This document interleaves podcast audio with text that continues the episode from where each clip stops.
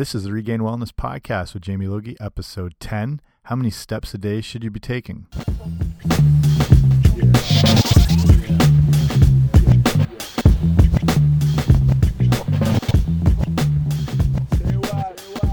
Hey guys, welcome back to the Regained Wellness Podcast.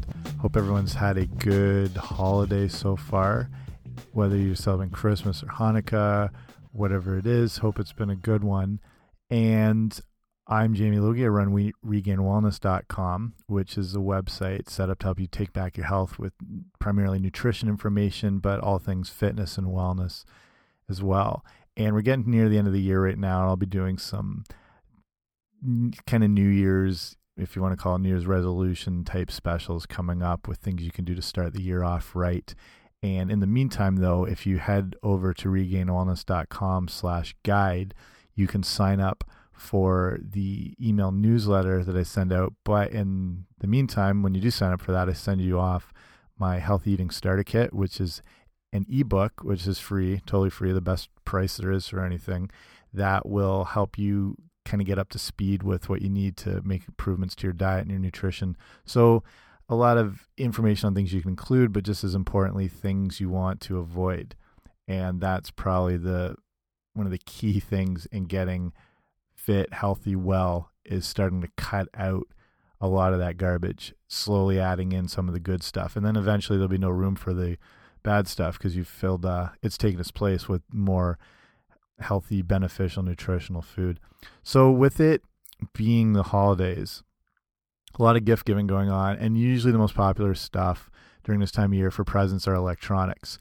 And whether it be Apple products, Android products, tablets, phones. One of the big things this year on lists and that have been kind of gobbled up sales wise, tracked as far as the hot items are Fitbits or wearable technology that measures whether your your heart rates, your steps per day, your sleep cycles, all sorts of things.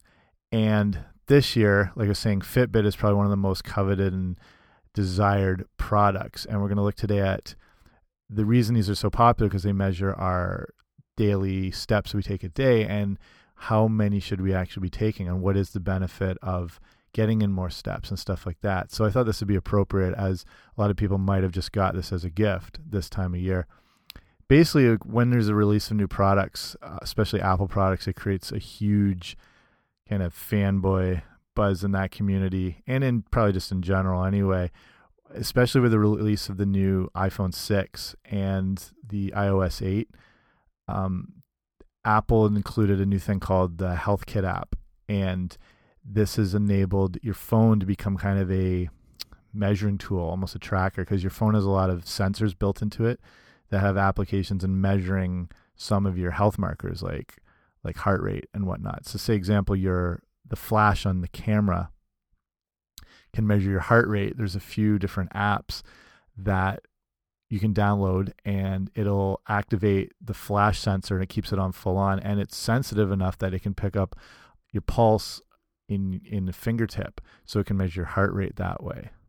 So that that's just one of the the interesting new things with the new generations of the iPhones and that this the idea with the health kit app that they're working more specifically with people and where they're at with their health and being able to measurement and track and those key things that'll help you give a good idea of where you're at because it's always important to see where you're at so you know if you're making progress or not. So, like I said, most pe people are familiar with the Fitbit and this sort of wearable measurement technology, and they've been around quite a while. But the idea that now that Apple is including measuring apps and things in their devices means that they're obviously they see this as a growing field and a growing desire by people to measure their fitness, whether it's how many steps they're taking or how long they've slept or all that sort of thing. So, with this whole idea of tracking, why is tracking your steps so important and how many steps should you be taking a day? So, kind of goes without saying that this in this day and age we really don't need to be really that fit or strong to survive in our modern society. You don't really need to walk too far anymore. Obviously, any form of transportation will take you wherever you need to go.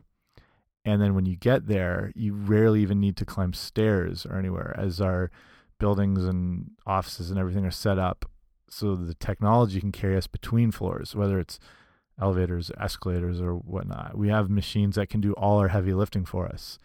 And I mean, we can even drive to get our food. We can our, we can drive up to get our food. We can drive into drive-throughs to get our money. We can.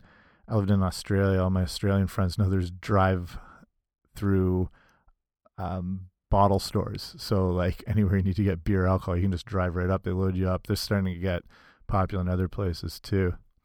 And I think it'd be interesting that our ancestors who had to spend days hunting and tracking animals and risk not coming away with anything would be horrified to see that their future descendants would be able to drive up to a window and order a half pound baconator between two buns and just go away and have enough calories that they would probably eat in an entire week in one sitting. So we've become able to not spend a lot of time on our feet or walking. And this is actually having some serious health consequences. And this is starting, if you do follow fitness trends and wellness nutrition, you're starting to see this pop up a little bit this idea of not spending too much time sitting. And there's a lot of research now coming out showing why this is not very desirable. So, why is staying on our feet so important? And Winston Churchill once said, Never stand up when you can sit down, as one of his famous quotes. But if you look at his physique, you can see why this is pretty much bad advice. And the negative consequences of sitting for extended period of times are now becoming more prevalent and understood. And it seems weird to think that sitting could make us sick and fat. But when you realize that adults are sedentary for almost 60% of their waking hours and the average person is sitting for six hours a day that's average most are obviously quite a lot more. It's easy to see how inactive we really are. When you spend too much time sitting you increase blood pressure as the diameter of your arteries is decreased and these can both increase your heart disease risk. And another risk is bone fracture as excessive time sitting decreases the bone mineral density and you add to that the excessive weight and obesity which comes from sitting and being inactive now plus that excess weight is really putting a lot of force on those weakening bones and speaking of excessive weight it becomes much harder to lose weight when you spend a lot of time sitting because that that extended time sitting decreases an enzyme called lipoprotein lipase or LPL, and that helps burn fat. And sitting for just two hours is long enough to turn off this enzyme. So it's very crucial. It's depending on your job, it's tough for a lot of people to get up and move, whether you spend long time driving or if you're in office and cubicles. But there are things you can do to kind of alleviate that extended sitting period, which we'll get to in a bit. So the main idea is to not take a super long extended time of sitting. And we spend too much time sitting down because of those things we said that are our jobs or just our genuine inactivity. And even at the end of the day, that kind of extended inactivity leads us to go sit on the couch rather than taking a walk or going out and getting exercise. But when we do exercise, at the very least, getting walks, which are a lot more powerful than people realize. What are the amount of steps that we need to be taking in a day? And there's this kind of magic number that is around 10,000 is the ideal. It, just when you look at the way our bodies are made, that they're move, they're sorry, designed for movement. Our, our different internal organs, our nervous systems, our everything requires movement circulatory system. Everything requires movement. And it's been figured that this 10,000 steps is the ideal goal. So, and then speaking of ideally, like you want to be spending 50% of your waking hours on your feet for optimal health. And like I said, this might not always be possible, but it is it is easy to incorporate in extra steps. And when we talk about 10,000 being the the goal for the day, what's the average person taking? Well, it's around only a thousand to three thousand steps a day, and it sounds like a lot when you're speaking a thousand, but I'm just going up from the couch to the bathroom and back adds up quite a bit. So a thousand to three thousand steps a day is really not a lot of steps, and obviously far less than the ten thousand that's recommended. This is where this wearable technology we said it like things like Fitbit or your phone or whatever that can track become very valuable because the ability to measure your steps gives you that good indicator where you're starting out with that goal being of getting up to 10,000 steps a day. If you've taken measurements and you found you're only doing say 5,000 a day, you don't necessarily want to immediately jump up to 10,000 the next day, but make it a goal to add in 500 extra steps a day. So if you find yourself doing 5,000 a day, make it a point to get to 5,500 each day by the end of next week. So say yeah, say if it's on a Monday that your goal is 5500 a day for the rest of the week. The week after, then you're trying 6000 a day for that entire week. And then all with the goal of getting up to 10,000 a day. More more is obviously good too, but that's 10,000 is your goal. So what are some of the ways to add in more steps? It's quite easy actually to incorporate in extra steps a day and this can be as simple as just taking like a walk after dinner or after lunch, depending on where you're at or your work situation or whatnot. So if you think the average person's stride length is around two and a half feet long. So if you go for a mile walk, that's going to use up about 2,000 steps, which is very manageable. A mile's not too bad, whether it's even you measure the distance from your house, even if you're going a half mile away and back, there's a mile, there's your 2,000 steps. Quite easy to add that in. And even just doing that little walk, you're around the average of what the average person is doing. So you can see how easy it actually is to get up to a higher amount of steps. So a few other ways to increase steps.